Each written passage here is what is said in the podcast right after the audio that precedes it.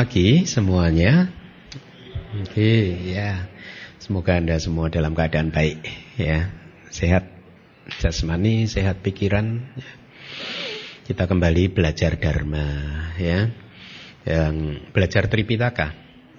Mempelajari kitab suci kita ya. Jadi sebagai umat uh, Buddhis tentunya sangat penting buat Anda semua untuk bisa memahami apa yang diajarkan oleh Buddha di kitab suci dan juga di kitab-kitab penjelasannya atau kitab komentarnya ya. Jadi apa?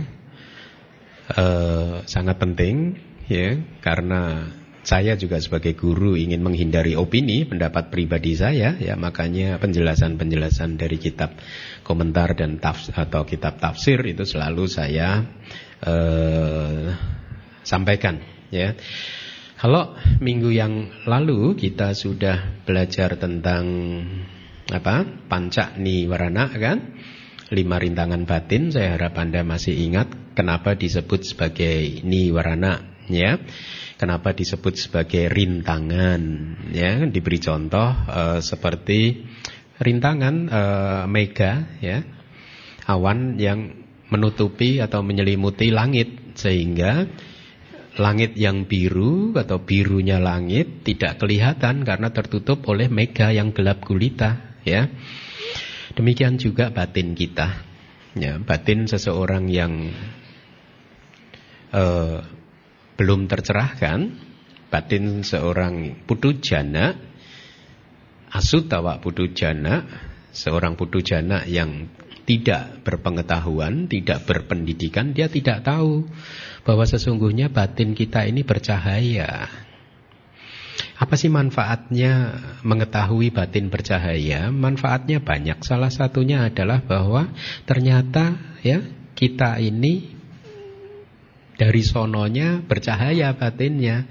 Artinya apa? Bahwa kita ini sesungguhnya batin kita ini bersih, penuh cinta kasih, penuh belas kasih, penuh kebijaksanaan. Ya. Sehingga kalau kita tahu bahwa sebenarnya sesungguhnya batin kita seperti itu, maka kita akan melakukan segenap daya dan usaha untuk bisa mencapai keadaan batin yang murni seperti itu. Karena kita tidak mempercayai apa yang dianggap sebagai kekotoran asal atau apa pun Anda menyebut, menyebutnya. Asalnya batin ini bercahaya, tetapi menjadi seperti sekarang, seperti yang Anda punya, seperti yang saya punya. Kenapa? Karena upakilesehi uh, upakilitang tertekan agantu kehi upakilesehi upakilitang ini kata-kata Buddha tertekan tersiksa oleh kekotoran batin ya kalau saya menyebut kekotoran batin itu berarti semua emosi-emosi yang negatif itu, yang keserakahan, kemarahan, kebencian, semua emosi-emosi Anda yang negatif itu menekan batin Anda, menekan batin kita. Tetapi kata-kata Buddha tidak berhenti di kita tertekan oleh itu saja. Ada kala kata yang lain yang disebut agantu kehi upakilesehi. Jadi tertekan oleh kekotoran batin yang agantuka, yang mengunjungi hanya sesaat dia hanya tamu saja. Tamu yang mengunjungi batin kita. Ya. E, tang asutawa pudujano yata butang nak nak bajanati seorang yang belum tercerahkan dan tidak berpendidikan, tidak mempunyai pengetahuan, dia tidak tahu bahwa sesungguhnya batin itu seperti itu. Anda sekarang berpendidikan, Anda tahu bahwa batin Anda itu bercahaya. Kalau saya mengatakan Buddha mengatakan batin percaya ini bukan apa perumpamaan atau bukan apa itu ya. Tapi ini benar-benar sesungguhnya batin kita memang bercahaya. Ya. Cara untuk merealisasinya ada bagaimana? Dengan menghilangkan mega yang menyelimutinya. Nah, mega yang menyelimutinya itu apa? Panca niwarana, lima rintangan batin. Ya, inilah mengapa buat Anda yang suka bermeditasi, pengetahuan ini penting sekali karena selama kita ada di dalam meditasi kita, kita tidak mampu menghalau lima rintangan batin ini, maka batin yang terang benderang tidak akan pernah dicapai. Batin yang penuh cinta kasih, belas kasih yang mencapai sama samadhi atau keheningan yang sempurna. Saya katakan keheningan yang sempurna karena kalau batin Anda sudah mencapai uh, tahapan seperti itu, tingkatan meditasi yang seperti itu, Anda benar-benar berada dalam keheningan yang total. Saya katakan total karena semua seolah-olah berhenti. Tubuh Anda pun juga seolah-olah sudah berhenti, tidak bisa dirasakan lagi. Yang tadinya penuh dengan goncangan, penuh dengan getaran sel-sel tubuh Anda itu bergetar sangat kencang sekali, tiba-tiba seolah-olah berhenti. Ya seolah-olah berhenti. Dia masih berproses tetapi sangat lembut sekali sehingga kita tidak mampu merasakannya lagi. Inilah mengapa kalau guru-guru meditasi biasa mengatakan kalau Anda sudah mencapai sama samadhi, keheningan yang sempurna seperti itu, seolah-olah ya pada saat itu sudah apa? Semua dunia panca indera Anda berhenti. Anda sudah tidak mampu mendengar suara lagi. Bukan berarti Anda tidak mampu mendengar dalam arti sesungguhnya tetapi pintu panca indera sudah tidak bekerja lagi. Bahkan pada saat Anda disentuh tubuh Anda pada saat seperti itu Anda tidak merasakannya lagi karena sensasi sentuhan sudah Anda lampaui. Anda benar-benar berada dalam keheningan yang sempurna, keheningan yang total, sama samadhi yang sering diterjemahkan menjadi konsentrasi benar. Nah, keadaan yang seperti itu adalah keadaan yang bisa kita dapatkan pada saat Anda mampu melampaui lima rintangan batin ya. Dan batin yang seperti itulah batin yang siap untuk diajak berwipasana. Batin yang sudah siap untuk diajak untuk dipakai dimanfaatkan untuk menganalisa proses tubuh jasmani dan proses batin pikiran Anda dengan demikian proses pencerahan akan terjadi, proses penghancuran kekotoran batin akan terjadi karena pada saat itu Anda akan bisa melihat hubungan sebab dan akibat dengan sangat jelas sekali. Anda akan bisa membedakan fenomena materi, fenomena jasmani dan fenomena batin bahwa keduanya adalah dua fenomena yang berbeda dan Anda akan merealisasi kekosongan kalau saya mengatakan kekosongan, sunyata itu jangan dipahami kosong tidak ada apa-apa, ya.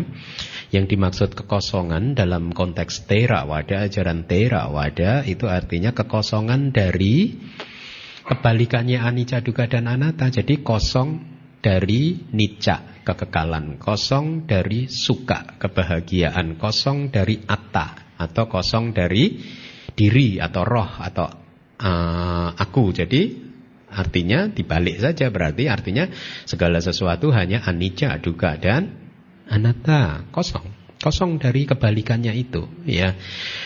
Nah dengan demikian Anda mulai melepaskan diri ikatan Anda dengan dunia ini Anda tidak terikat lagi pada dunia ini ya. ya Lihatlah bahwa sepanjang kehidupan kita ini sangat terikat oleh dunia ini Ya, kalau saya mengatakan dunia itu adalah dunia pancakanda atau dunia panca indera juga. Kita terikat dengan apa yang menjadi objek mata Anda. Kita terikat dengan suara yang kita dengar. Kita terikat dengan bau-bauan yang masuk ke hidung kita. Kita terikat pada objek rasa yang menyentuh lidah kita. Kita terikat dengan objek sentuhan yang mengenai tubuh kita, kulit kita. Kita terikat. Ya, kita bukan pribadi yang merdeka. Kita belum terbebaskan. Kita masih terikat oleh segala hal yang menjadi objek-objek panca indera kita. Bukankah kehidupan itu sesungguhnya hanyalah apa yang Anda alami melalui panca indera Anda? Betul? Minggu lalu mungkin saya sudah jelaskan bahwa kehidupan itu tidak lain dan tidak bukan hanyalah fenomena yang Anda lihat. Proses melihat, proses mendengar, proses melalui panca indera.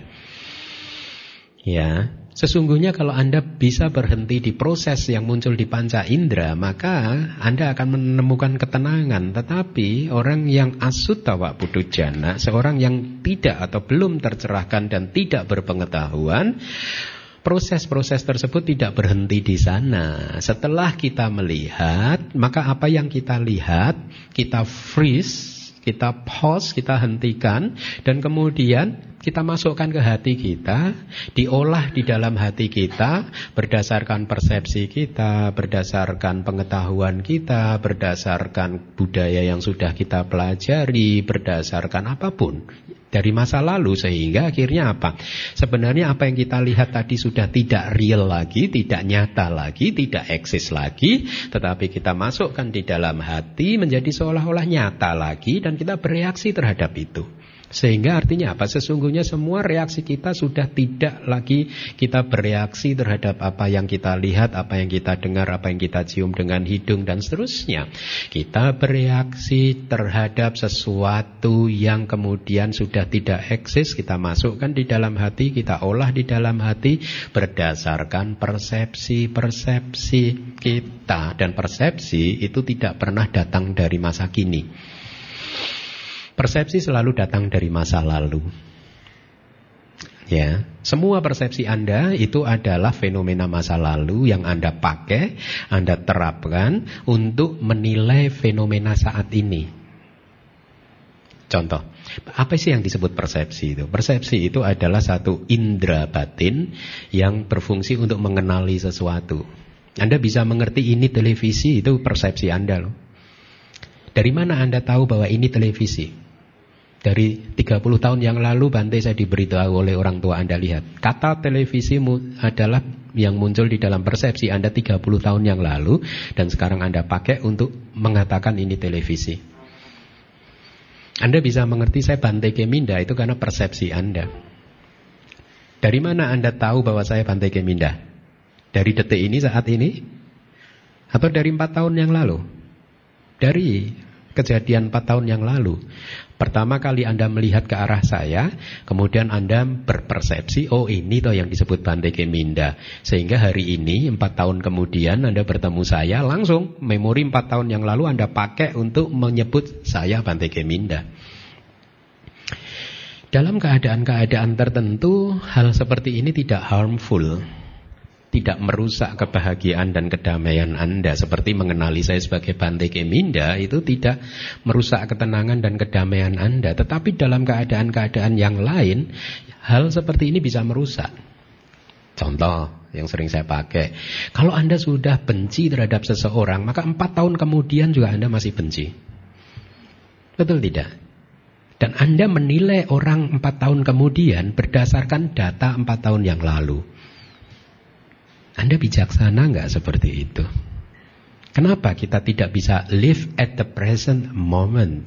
Kenapa kita tidak bisa hidup di masa apa kekinian di saat ini dan di sini? Ya, salah satu sebabnya adalah batin kita masih tertutup oleh mega yang disebut panca niwarana. Jadi memahami panca niwarana atau lima rintangan batin tidak hanya nanti bermanfaat Anda eh, buat Anda untuk berkembang meditasi Anda tetapi juga bermanfaat buat kehidupan Anda sehari-hari.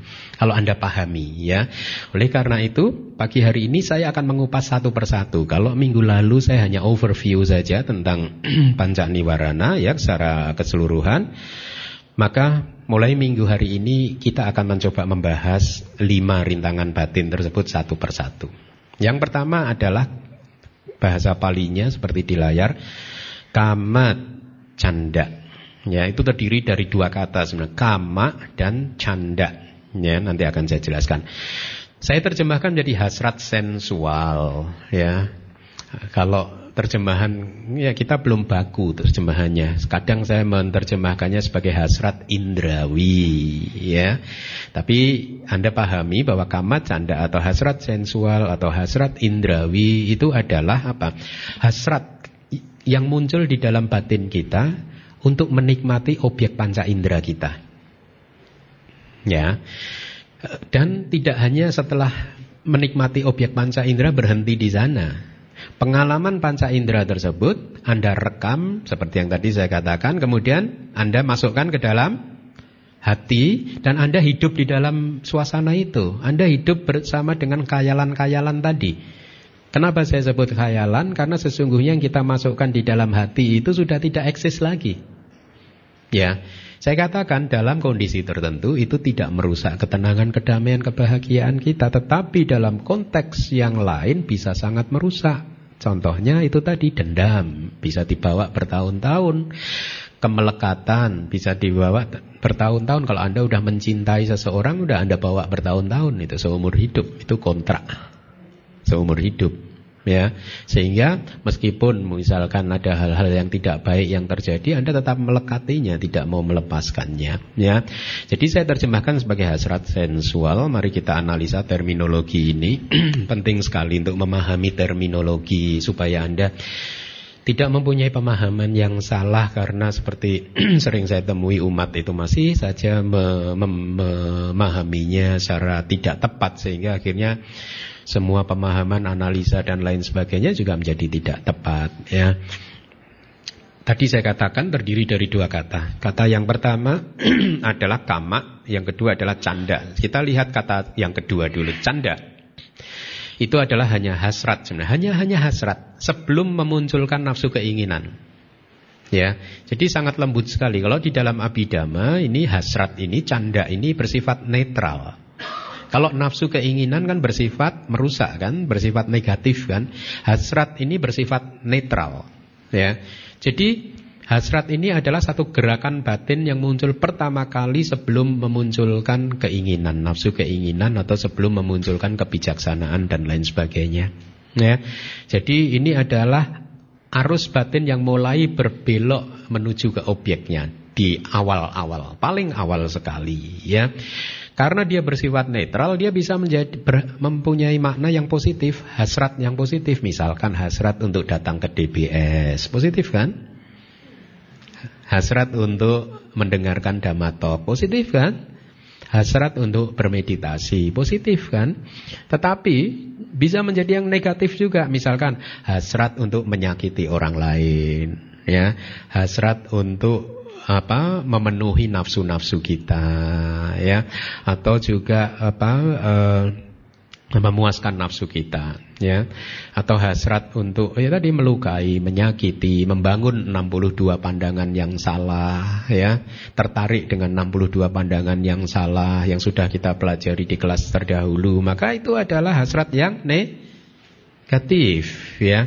Nah, eh,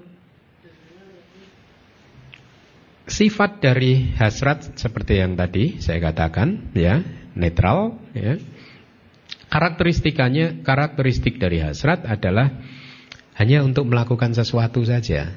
Hanya keinginan pertama saja untuk melakukan sesuatu. Belum berkembang menjadi nafsu keinginan.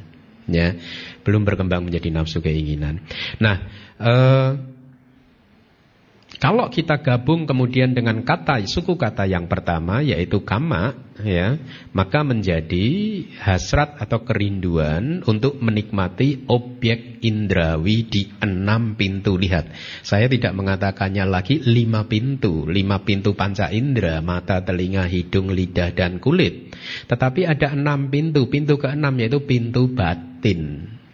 Ya, Fenomenanya muncul seperti yang tadi saya katakan setelah Anda melihat, setelah Anda mendengar, kemudian suara saya Anda masukkan ke pintu yang keenam, pintu batin. Anda pikirkan terus-menerus, Anda renungkan terus-menerus, Anda lekati atau Anda Anda hancurkan di dalam hati Anda. Lihat, kalau kemarahan sedang menguasai hati Anda, Anda seolah-olah sedang menjadi apa? Pemain film menghancurkan objek yang orang yang Anda benci di dalam hati Anda sendiri meskipun orang tersebut tidak ada di hadapan hati Anda, di hadapan Anda. Ya. Jadi kita hidup di dalam khayalan-khayalan kita. Kita hidup karena dipengaruhi oleh moha kita. Nah, kama canda adalah hasrat untuk menikmati uh, enam pintu kama. Ya, itu artinya bisa diartikan sebagai segala sesuatu yang berkaitan dengan indera. Ya. Segala sesuatu yang berkaitan dengan indera. Segala sesuatu yang ber, berkaitan dengan objek mata, objek telinga dan seterusnya. Kama juga bisa diartikan sebagai indera mata, indera telinga dan seterusnya. Jadi segala sesuatu yang eksis di dalam dunia panca indera ya, yang menjadi aktivitas panca indera itulah arti dari kama. Begitu digabungkan kama canda itu menjadi hasrat indrawi atau hasrat sensual. Ya. Kata sensual tidak hanya merujuk ke hasrat hasrat uh, yang berbau seksualitas tetapi sensual yang berkaitan dengan sense, berkaitan dengan indera Ya. Nah, uh, prosesnya seperti ini. Kama canda, hasrat sensual. Oh sorry, ya hasrat sensual.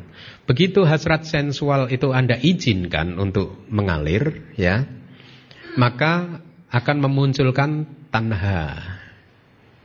Ya, pada saat hasrat sensual tersebut menguat, maka yang hasrat sensual yang menguat tadi akan memunculkan apa yang disebut nafsu-nafsu keinginan. Ya. Pada saat nafsu keinginan ini sudah mulai menguat lagi, ya, akan membentuk kamu padana yaitu apa? Kemelekatan terhadap objek indera. Ya. Pada saat inilah penderitaan muncul. Kita melekati terhadap objek apa pun. Ya, kemelekatan ini diberi contoh yang sangat bagus sekali oleh uh, oleh apa? Eh, kitab-kitab uh, tafsir sebagai uh, kalau di zaman dulu 2600 tahun yang lalu seorang pemburu yang apa ingin menangkap uh, monyet ya dia meletakkan jebakan monyet Jebakan monyet itu berupa semacam keranjang ya yang tembus pandang, kemudian diberi umpan di dalam keranjang tersebut yang menarik perhatian monyet, tetapi di dalam keranjang tadi itu hanya ada satu lubang yang sebesar hanya tangan monyet yang menggenggam saja. Kalau dia menggenggam begini, ya, uh, sorry, kalau dia seperti ini, dia bisa masuk ke dalam lubang untuk mengambil benda yang ada di dalam jebakan monyet tadi. Pada saat bendanya sudah diangkat kan tangannya menggenggam dan pada saat itu lubang sudah menjadi terlalu kecil, terlalu sempit untuk dia untuk bisa menarik eh, apa eh, keluar tangannya sehingga akhirnya semakin dia menarik semakin dia tidak bisa terlepas dari jebakannya dan akhirnya dia ditangkap oleh pemburu monyet dan dikatakan dia mati karena dia tidak mau melepas objeknya. Ya, satu perumpamaan yang bagus. Kalau Anda sedang meronta-ronta, batin Anda sedang meronta-ronta karena kemarahan, karena kebencian, meronta-ronta karena nafsu, keinginan, kemelekatan, maka apa yang harus Anda lakukan? Lepaskan. Anda harus belajar untuk bisa melepaskan objek dari kemarahan Anda, objek dari kebencian Anda, objek dari nafsu-nafsu Anda, objek dari kemelekatan Anda, apa pun itu objeknya, lepaskan. Dan itu sangat terasa sekali kan kalau kita amati pada saat batin kita kehilangan ketenangan dan keseimbangan kan terasa sekali bahwa batin kita meronta-ronta, bergejolak, bendera kita berkibar-kibar, terasa sekali dan kita menderita. Kita tahu bahwa kita bukan manusia yang uh, berbahagia. Kita tahu bahwa kita telah kehilangan ketenangan dan kedamaian kita. Lalu apa yang harus kita lakukan? Lepaskan. Lepaskan objek tersebut. Nah itu kamu padana. Pada saat kamu padana ini, kemelekatan ini berkembang, ya nanti secara uh, dengan intensitas yang semakin kuat, dia akan berubah menjadi apa? Memunculkan kama raga nusaya. Akan membangun satu kekotoran batin yang e, ingin menikmati objek-objek indrawi yang akhirnya menjadi sifat kita. Anusaya, tertidur. Ya. Anusaya itu adalah kekotoran batin atau kecenderungan laten yang masih tertidur yang senantiasa menginginkan objek-objek indrawi. Ya. Seperti pada saat ini, ya. Eh kita tidak mempunyai hasrat-hasrat sensual kan saat ini kan? Betul tidak? Uh, saya ulangin lagi. Pada saat kemelekatan tersebut sudah menjadi semakin kuat, ya maka akan membentuk kama raga anusaya, yaitu satu kekotoran batin yang tertidur. Tertidur itu artinya dia tidak muncul di dalam atau di permukaan arus kesadaran kita. Ya, seperti saat ini. Kita mungkin saat ini tidak mempunyai apa nafsu-nafsu indrawi, ya. Tetapi kita tidak bisa mengatakan bahwa kita sudah terbebas dari nafsu-nafsu indrawi loh. Ya, kenapa nafsu indrawi kita pada saat itu tidak ada di arus permukaan batin kita karena kondisi yang menyebabkan dia untuk muncul belum eksis. Nanti pada saat ada kondisi yang dibutuhkan supaya dia bisa muncul, maka nafsu tersebut akan bisa muncul. Ya ini yang disebut anusaya. E, apa kecenderungan laten dari hasrat sensual. Nah, kecenderungan laten dari hasrat sensual e, kemudian pada gilirannya dia akan membentuk karakter kita, akan membentuk kepribadian kita bahwa kita adalah seseorang yang mempunyai kebiasaan untuk menikmati objek-objek panca indera kita. Ya, akan membentuk sifat kita sehingga akhirnya apa? Tiba-tiba dia akan muncul kama sawa. Itu terdiri dari dua kata kama asawa. Asawa itu adalah semburan batin yang keluar menemui objek-objek panca indera kita ya. Sehingga batin akan terus mengalir keluar. Ya. Mengalir keluar mempunyai keinginan untuk melihat yang baik-baik saja, mempunyai keinginan untuk mendengar suara yang baik-baik saja, mempunyai keinginan untuk mencium dengan hidung kita dan seterusnya. Jadi batin mulai memancar keluar untuk menemui dunia panca indera ini, untuk menemui apa eh, objek-objek panca indera. Jadi lihat secara psikologis proses itu terjadi hanya bahkan tadinya hanya dari hasrat saja, yang sesungguhnya bersifat netral tidak bersifat negatif, tidak bersifat positif, dia hanya netral, tergantung dari apa yang menyertainya. Tetapi pada saat hasrat ini bercampur dengan keinginan untuk menikmati objek-objek indrawi, maka prosesnya akan bergulung-gulung terus, berproses terus sehingga kama canda akan menjadi tanha, nafsu keinginan. Anda mulai bernafsu untuk menginginkan apa pun yang bisa memuaskan panca indera Anda bisa memuaskan panca indera Anda di enam pintu. Kemudian pada saat nafsu keinginan ini sudah Anda meluapkan, Anda munculkan, maka akan membangun satu kemelekatan baru. Dan kemelekatan ini akan membangun kepribadian Anda. Dia akan ada di dalam arus kesadaran Anda, arus batin Anda yang paling dalam, ya tertidur tetapi tiba-tiba satu saat bisa meledak. Salah satu kekotoran batin yang tertidur adalah disebut juga pikiran jahat kemarahan, kebencian. Tiba-tiba dia bisa meledak kalau bertemu dengan objek yang yang yang cocok, yang membuat dia harus muncul, ya. Nah, anu saya ini tertidur kemudian dia menyembur keluar pada saat apa? Melihat objek yang bagus, melihat uh, mendengar suara yang menurut kita enak dan seterusnya. Nah, jadi ini adalah siklus penderitaan yang terjadi. Nah, lalu bagaimana kita usaha kita untuk bisa keluar dari penderitaan ini, dari untuk bisa menaklukkan rintangan batin yang pertama. Ya, Buddha mengatakan di dalam satu suta tentang kenikmatan sensual di Majjhima Nikaya Sutta ke-22, Bhagawa atau Buddha telah menyatakan bahwa kenikmatan sensual memberikan sedikit kepuasan, banyak penderitaan dan keputusasaan serta lebih banyak lagi bahayanya. Apasada kamawuta bagawata bahu duka bahu upayasa adinawo edak bio. Ya, jadi lihat kata-kata yang diberikan oleh Buddha bahwa kenikmatan sensual hanya memberikan sedikit kepuasan. Mari kita analisa. Berapa banyak kepuasan yang sudah kita peroleh atau Anda peroleh selama hidup ini pada saat Anda mengejar-ngejar sesuatu yang menjadi objek panca indera Anda? Hmm. Katakanlah apa uh, apa pun coba kita analisa di dalam kehidupan. Bahwa ternyata kita sering tertipu oleh batin kita sendiri. Kita sering tertipu oleh pikiran dan persepsi kita sendiri. Mengelabui kita dalam bentuk memberikan informasi palsu. Mengatakan bahwa kalau saya mendapatkan sesuatu ini maka setelah itu saya akan berbahagia selama-lamanya tetapi lihatlah apakah kebahagiaan yang selama-lamanya ini pernah kita dapatkan? Tidak. Bahkan pada saat kita Anda sudah berhasil mendapatkan satu apa uh, keinginan Anda terpenuhi terhadap objek-objek yang mungkin paling mahal di dunia ini pun ya, tidak ada lagi benda atau sesuatu yang lebih mahal dari itu, maka kenikmatan yang muncul pun hanya sesaat saja. Tidak pernah berlangsung secara uh, apa? Uh, terus-menerus. Dan ini jarang dipahami oleh manusia yang kurang informasi, ya. Mereka selalu tertipu, terkelabui oleh kenikmatan-kenikmatan sensual, ya.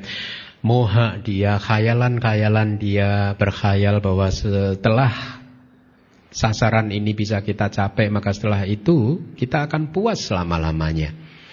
Ya. Tetapi Buddha mengatakan bahwa kenikmatan sensual hanya memberikan sedikit kepuasan saja. Tetapi banyak penderitaan yang menyertainya. Nanti kita akan lihat kata-kata Buddha apa yang dimaksud dengan banyak penderitaan yang menyertainya dan juga keputusasaan serta lebih banyak lagi bahaya-bahayanya ya. Saya ingin coba jelaskan dalam konteks bermeditasi.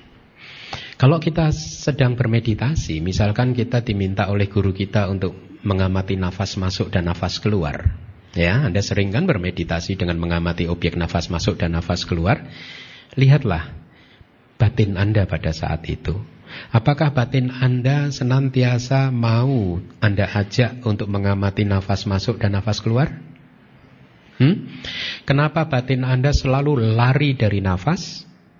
Pernahkah Anda merenungkan dan berpikir mengetahui ke mana batin Anda lari keluar dari nafas?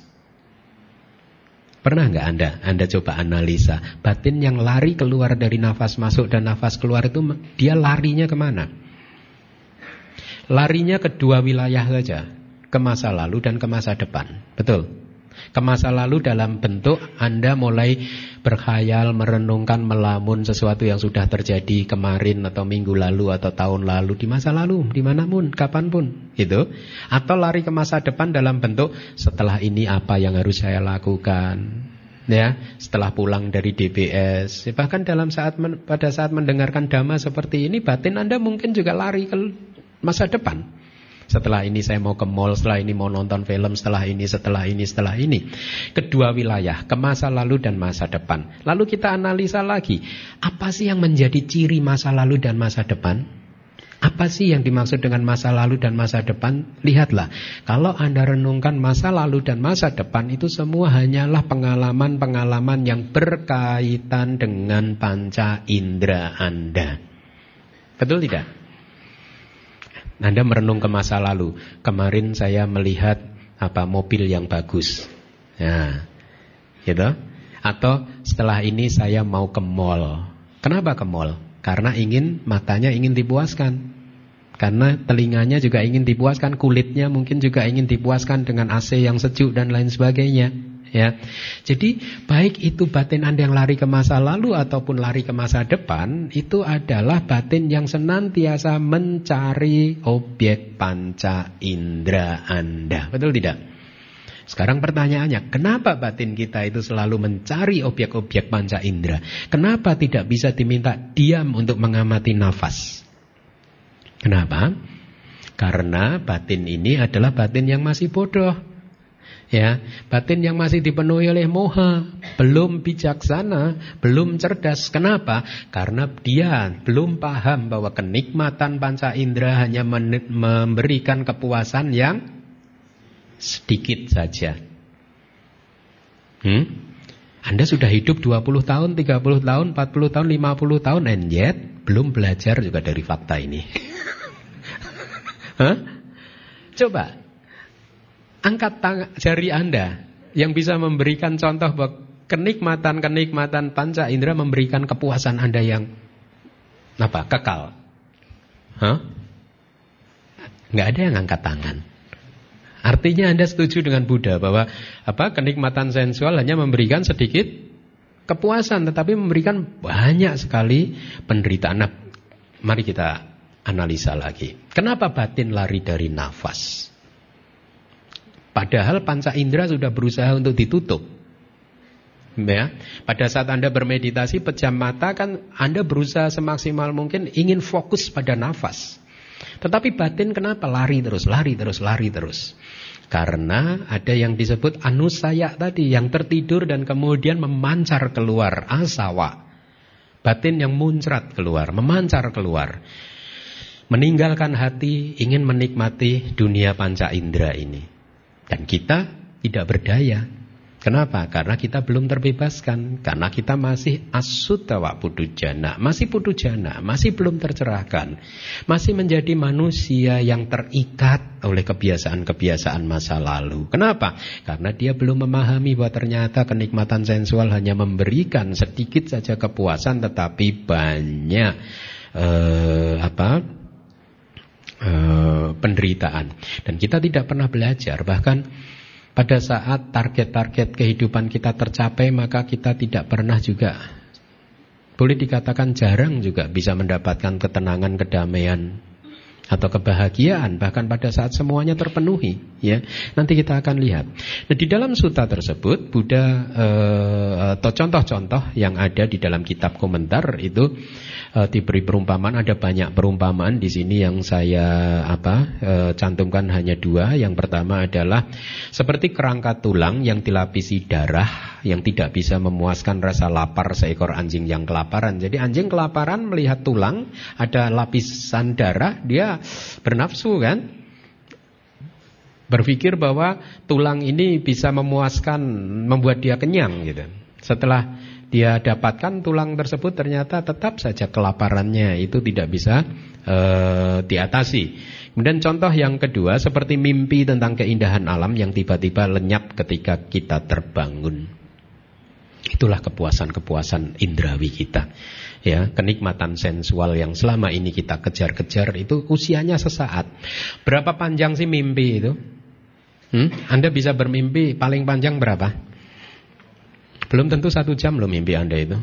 Terdiri dari fragmen-fragmen kecil, potongan-potongan kecil gitu. Hah? Yang kadang sering kali tidak berhubungan satu sama lainnya. Ya, mimpinya hanya sesaat-sesaat aja. Hah? Giliran target Anda mau tercapai tiba-tiba Anda bangun. Kemudian Anda menyesali, aduh kenapa saya harus bangun ya? Enakan tidur bermimpi indah gitu. Ya. Jadi itu harus kita pahami sifat dan karakteristik dari kepuasan-kepuasan atau kenikmatan indrawi kita yang tidak pernah bisa memberikan kepuasan yang stabil.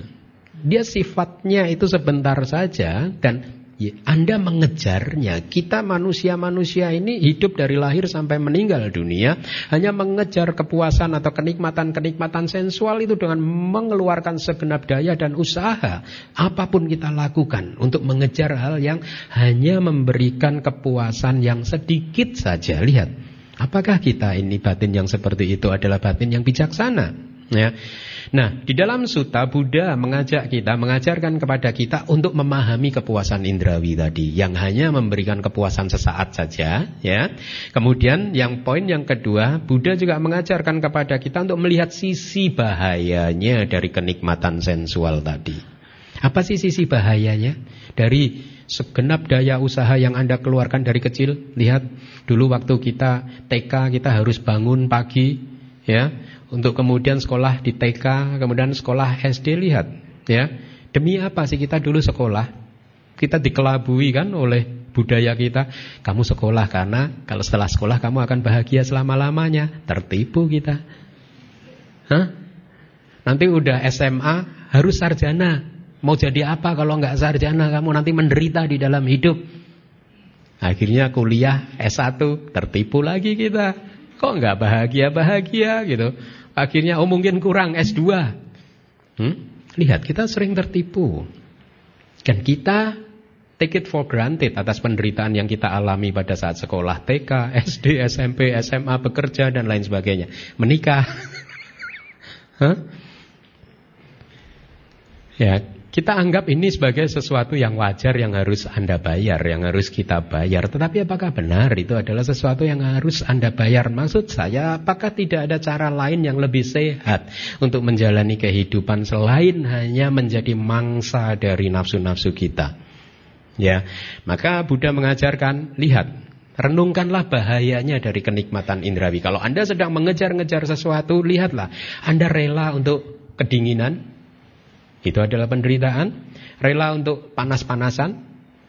Ya, itu adalah penderitaan. Rela untuk luka digigit serangga dan lain-lain, kelaparan dan kehausan. Ya, bahkan mungkin harus dimarahi oleh orang lain dan seterusnya. Ya, dan Anda anggap itu sebagai harga yang wajar yang harus Anda bayar untuk kenikmatan kepuasan yang lifetime time-nya hanya sebentar saja. Ya, dan kita jarang merenungkan hal seperti ini. Inilah mengapa kita terus terjebak pada lubang yang sama, jatuh pada lubang yang sama lagi, lagi, lagi dan lagi. Ya.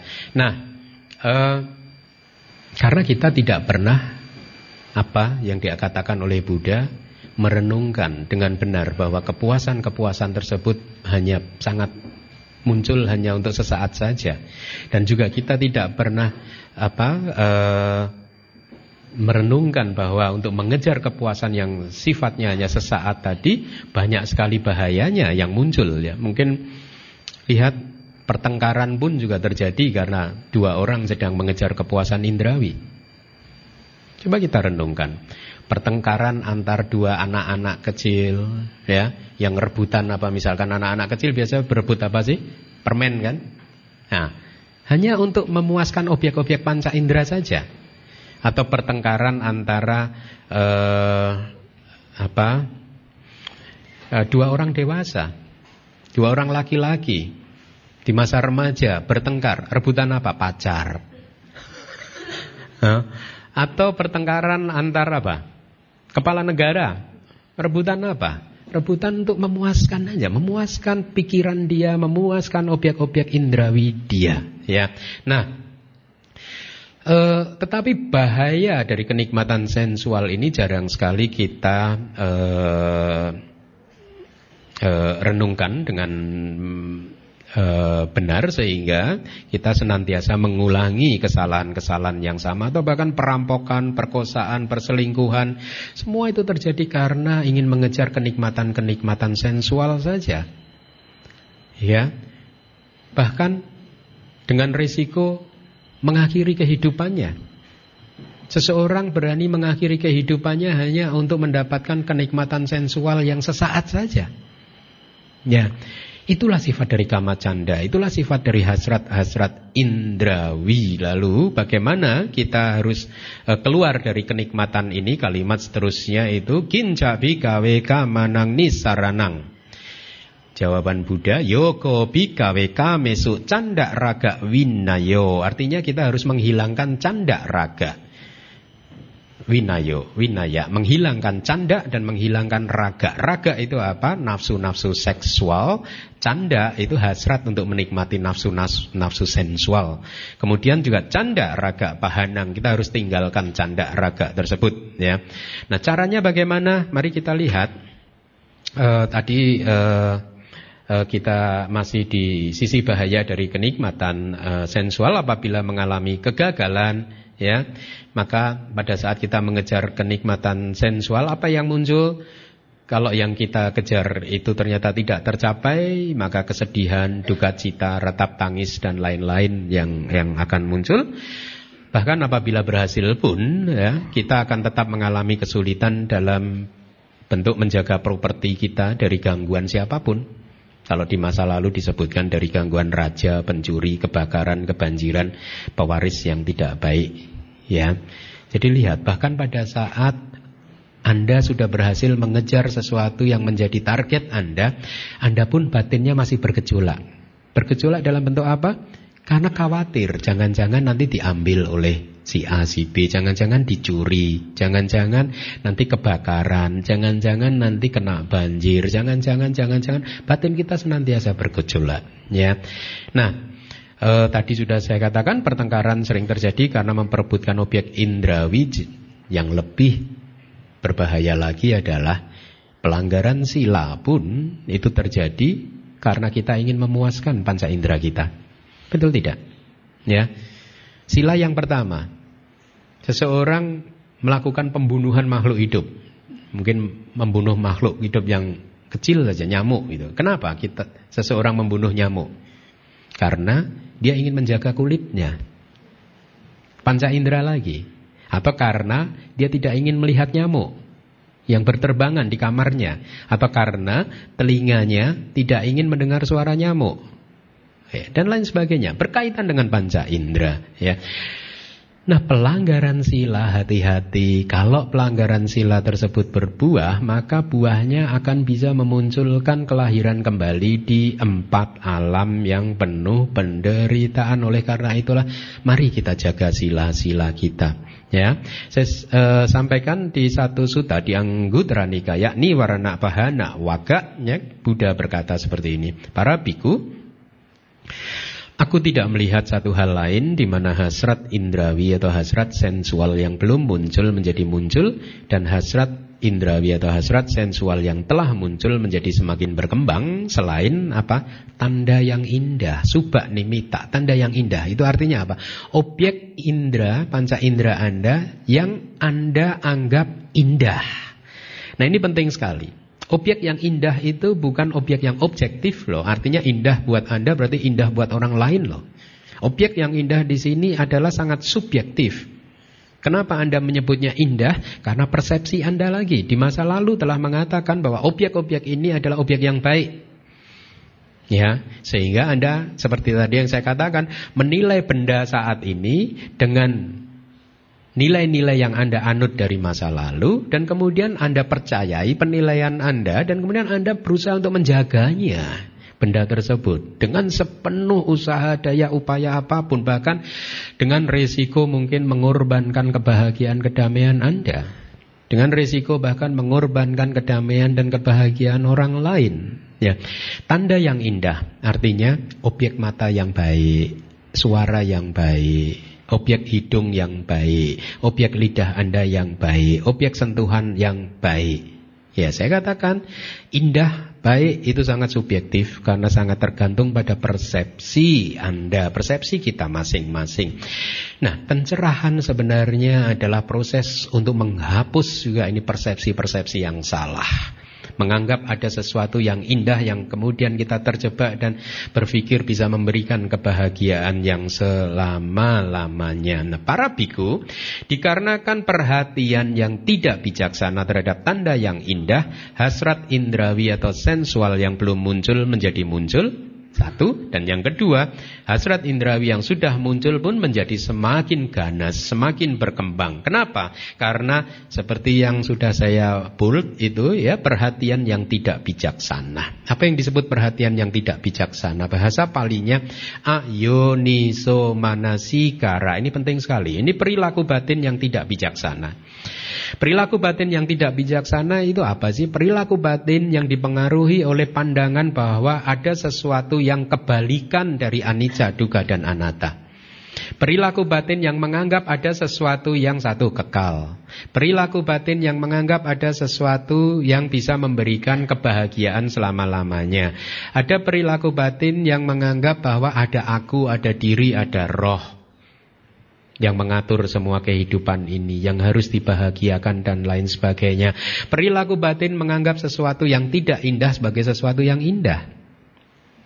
Ya, ayuni somanasikara, perhatian yang tidak bijaksana, perhatian yang tidak benar, menganggap sesuatu yang tidak indah sebagai indah. Lihat, sesungguhnya makanya cara pandang seorang yang tercerahkan seperti Buddha dan Arahat itu berbeda e, bertolak belakang dengan cara pandang kita yang belum tercerahkan.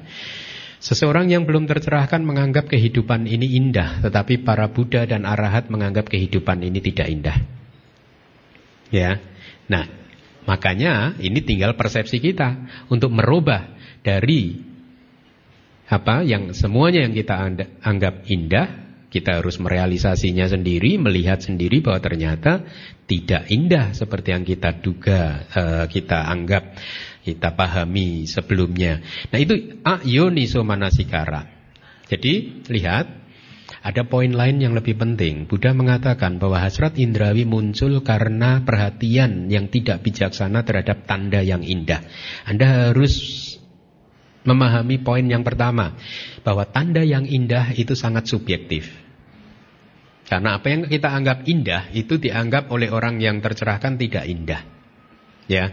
Kemudian poin yang kedua adalah perhatian kita yang tidak bijaksana, yang menganggap ada sesuatu yang kekal, yang menganggap ada sesuatu yang bisa memberikan kebahagiaan, yang menganggap ada diri, ada aku, ada roh, atau kebalikan dari anicca, duka, anatta, atau juga menganggap ada sesuatu yang indah tadi yang keempat, ya.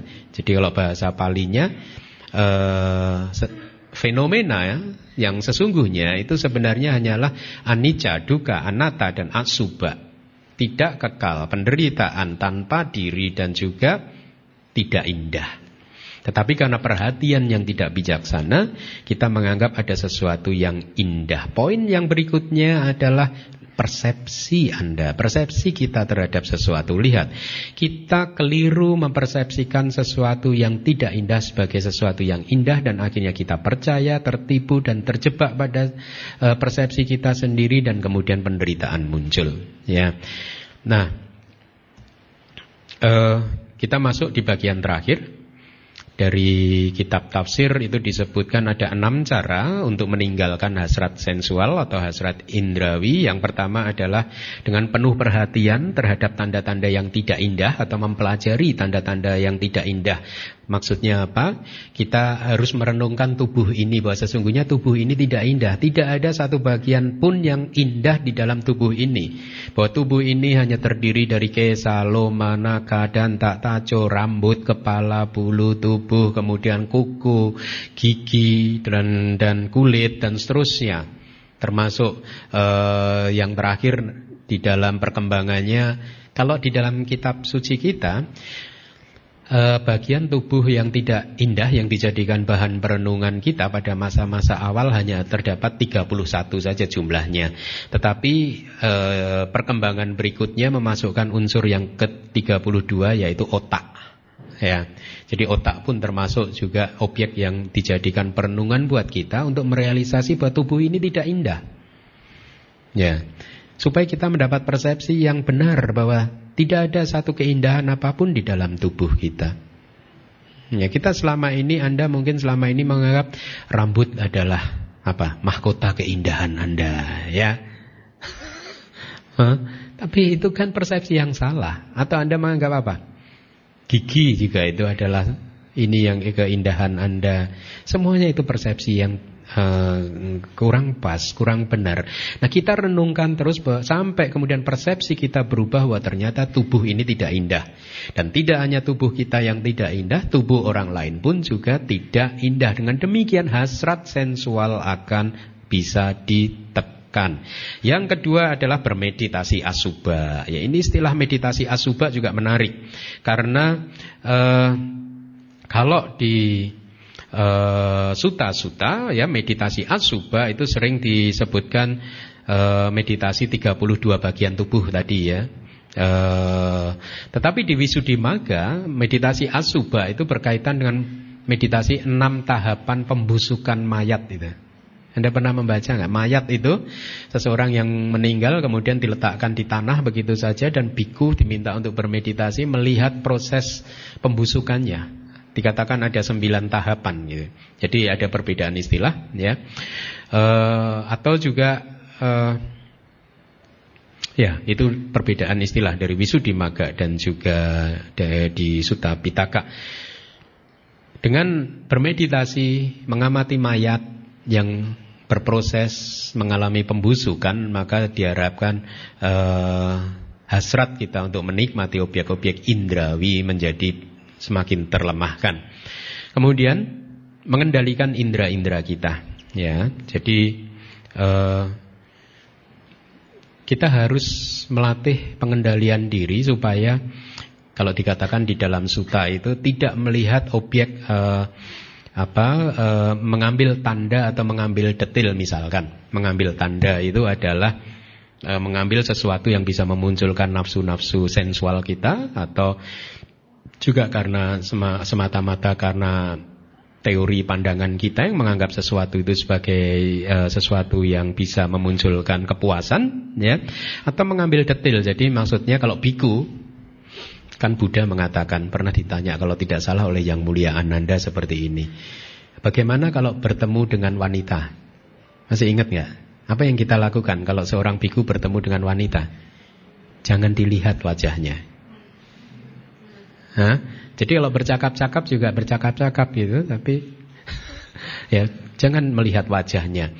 Untuk menjaga supaya hasrat sensual tidak muncul. Apalagi karena resikonya pada saat Anda melihat wajah lawan jenis Anda, mata Anda tidak berhenti di sana loh. Mungkin mata Anda berhenti di wajah lawan jenis Anda, tapi pikiran Anda udah lari ke mana-mana loh. Betul tidak? Hah? Mata Anda melihat wajah, pikiran Anda melihat yang lain. Lari ke mana-mana. Udah berfantasi sendiri-sendiri. Nah, tapi kalau seorang biku diajarkan oleh Buddha, jangan melihat tanda-tanda khusus, misalkan bola matanya indah ya, atau kulitnya putih ya, atau rambutnya bagus, itu tanda-tanda khusus. Jangan dilihat seperti itu supaya tidak memunculkan hasrat-hasrat indrawi. Udah, anggap aja bola mata, bola mata, rambut juga rambut yang semuanya tidak indah. Gitu. Ya, nah, jadi kita kendalikan indera-indera tersebut Kemudian yang keempat adalah tidak berlebihan dalam makan, hal makan. Jangan berlebihan karena perut yang kenyang cenderung membuat batin kita ceroboh, lengah, tidak waspada. Perut yang kenyang akan membuat batin kita cenderung untuk melakukan hal-hal yang tidak baik. Minimal jatagun. lebih dari itu bisa lebih jahat dari itu. perut yang terlalu kenyang itu kilesa kekotoran batin akan muncul terus, cenderung akan muncul. Ya. Kemudian yang kelima adalah persahabatan spiritual. Nah, ini penting sekali. Kita harus mempunyai teman-teman yang baik, sahabat-sahabat yang baik. Teman yang baik itu apa sih? Teman yang mempunyai sila, samadhi, dan panya yang bagus. Teman yang mengembangkan jalan mulia berunsur delapan. Ya, Kenapa? Karena kalau kita mempunyai teman yang baik, kita akan terpengaruh juga Sedikit atau banyak kita akan mencontek, meniru cara dia berpikir, meniru cara dia berbicara dan sebagainya, meniru cara dia untuk menyelesaikan masalah dan sebagainya. Jadi kita harus mempunyai teman yang baik. Karena apa? Kita ini adalah makhluk yang masih belum tercerahkan dan masih terkondisi. Artinya apa? Terkondisi oleh lingkungan kita juga. Kalau Anda hidup di lingkungan yang keras, Anda pun akan keras. Kalau Anda hidup di lingkungan yang lembut, Anda pun akan menjadi pribadi yang lembut. Kalau Anda hidup di lingkungan yang menghalalkan pelanggaran sila, Anda pun akan dengan mudah melanggar sila. Ya, biku pun juga seperti itu. Saya kalau misalkan hidup di lingkungan biku-biku yang tidak melaksanakan winaya dengan baik, saya akan menganggap oh berarti melanggar winaya nggak apa-apa ya. Ini lingkungan saya juga seperti ini. Gitu. Ya, ya. Anda masih ingatkan kata-kata Buddha bahwa manusia berkumpul karena sifat? Betul tidak? Sekarang kalau Anda masih bingung menilai kualitas diri Anda itu sesungguhnya seperti apa, maka cara lain yang mudah untuk menilai siapa diri Anda, lihatlah kanan kiri teman-teman Anda. Ambil lima contoh teman Anda aja. Kira-kira lima contoh teman dekat Anda itu orangnya seperti apa? Yang Anda sangat sukai itu. Nah, Anda ya kira-kira seperti itu. Setuju nggak? Karena seseorang yang sifatnya berbeda udah nggak bisa berkumpul pasti. Ya, bahkan saudara, kakak, adik pun kalau sifatnya berbeda nggak mungkin bisa berkumpul. Ya itu kata-kata Buddha. Karena kesamaan elemen, karena kesamaan apa karakter. Seseorang yang sifatnya itu tinggi istilahnya, begitu akan berkumpul dengan orang yang sifatnya tinggi. Orang yang rendah akan berkumpul dengan orang yang rendah. Tidak bisa tinggi dan rendah berkumpul ya, saling mensupport satu sama lainnya gitu. Ya, itu kata-kata Buddha. Jadi yang kelima adalah persahabatan spiritual, yang keenam juga menjaga percakapan yang kondusif ya. Jangan bercakap-cakap yang mendorong kebohongan, tidak berkata-kata sesuai dengan realitas atau fakta, ya, tidak juga memfitnah, memaki, bergunjing, bergosip dan seterusnya. Hanya berbicara tentang sesuatu yang benar pada saat yang tepat, ya, penuh keharmonisan. Kita harus menjunjung tinggi keharmonisan dan hanya dengan menggunakan kata-kata yang menyenangkan dan berbicara hanya sesuatu yang bermanfaat supaya terhindar dari gosip, ya. Nah, yang terakhir, meninggalkan hasrat sensual dengan faktor jana. Tadi di awal saya katakan bahwa panca niwarana menghalangi Anda untuk mendapatkan batin yang bercahaya. Ya, dikatakan panca niwarana itu seperti mega yang menutupi birunya langit. Panca niwarana menutupi uh, batin yang bercahaya. Kalau Anda tidak berhasil mengalahkan, menundukkan panca niwarana, maka sama samadhi tidak tercapai. ya keheningan yang sempurna tidak akan tercapai. Nah, kama canda itu bisa ditundukkan dengan mengembangkan faktor jana yang disebut ekagata. Ekagata itu mempunyai nama lain samadhi. Ya, apa sih yang disebut ekagata? Ekagata adalah satu faktor batin yang fungsinya mengumpulkan semua energi batin ke dalam satu titik mengumpulkan semua energi batin ke dalam nimita. Ya, ke dalam objek jana Anda.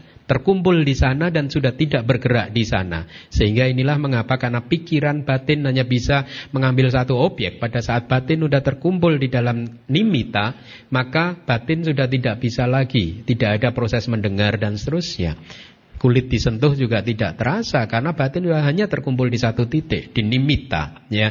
Itu yang disebut ekagata. Kama canda tadi sudah saya katakan selalu lari ke objek panca indera sebaliknya ekagata atau samadhi membuat batin terpusat pada objeknya. Karakteristik dari ekagata adalah tanpa gangguan ya.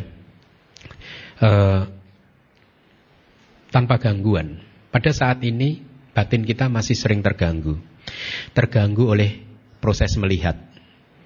Kemudian terganggu oleh proses mendengar. Terganggu oleh indera hidung kita dan seterusnya. Terganggu oleh sentuhan-sentuhan yang muncul di kulit kita. Ya, batin ini masih sering terganggu.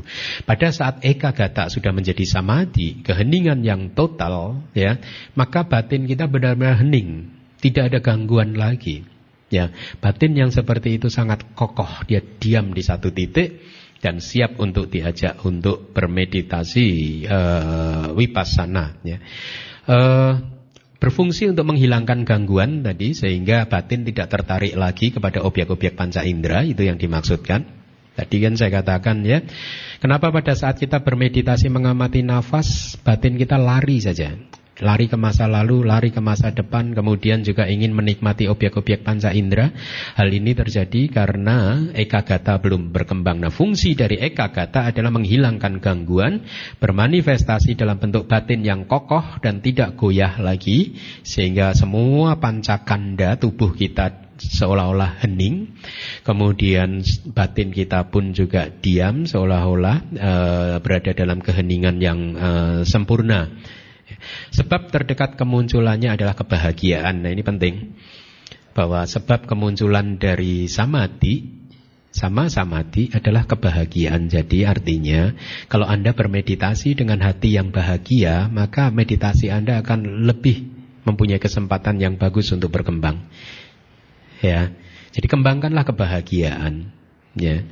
Kemarin ada yang berkata kepada saya, kenapa kalau meditasi bersama di ruangan ini saya lebih lebih ini ya, lebih berkembang meditasinya dibandingkan meditasi sendirian di rumah gitu.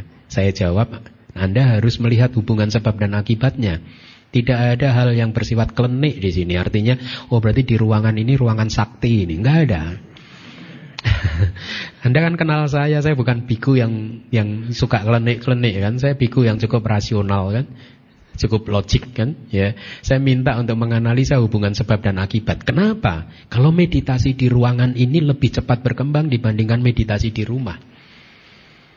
Gitu. Saya jawab waktu uh, itu tadi malam mungkin pada saat Anda bermeditasi di sini melihat suasananya sehingga sada Anda meningkat, keyakinan Anda terhadap Triratna meningkat sehingga memunculkan kebahagiaan di hati Anda dan dengan hati yang bahagia Anda akan cepat mencapai samadhi. Ya, hubungannya seperti itu, bukan karena di, ada saya yang sakti mandraguna atau apa. saya bukan biku yang sakti. Ya, biku yang biasa aja. Nah, eh, demikian jadi dengan mengembangkan eka gata, mengembangkan samadhi, maka kama canda akan bisa uh, dieliminasi, di apa, ditundukkan. Nah, kembali lagi saya simpulkan apa yang sudah saya sampaikan. Lihat, batin yang selalu mengejar objek-objek panca indera itu sesungguhnya adalah batin yang tidak berbahagia. Ya batin yang bodoh. ya.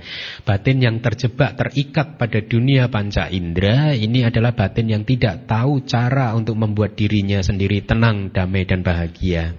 Batin seperti ini adalah batin yang belum terbebaskan karena mengizinkan orang lain untuk mengendalikan dia. Kalau orang lain tersenyum dia bahagia. Kalau orang lain cemberut, dia menderita. Kalau orang lain berkata-kata memuji dia, dia bahagia. Kalau orang lain mencaci maki dia, dia menderita. Lihat, kebahagiaan dan penderitaan diatur oleh orang lain. Jadi seolah-olah Anda memberikan remote control kepada orang lain. Dan orang lain bisa pencet membuat Anda bahagia atau membuat Anda menderita gitu. Nah, kabar baiknya adalah situasi seperti ini ya bisa kita urai. Situasi seperti ini bisa kita uh, lepaskan sehingga membuat kita tidak lagi terikat oleh dunia ini sehingga membuat kita tidak lagi terikat oleh dunia panca indera jadi apa pun yang dilakukan dunia terhadap kita objek apa pun yang masuk ke dalam panca indera kita mereka semua tidak bisa menghancurkan ketenangan, kedamaian dan kebahagiaan kita. Baik, jadi ini yang bisa saya sampaikan pagi hari ini. Terima kasih.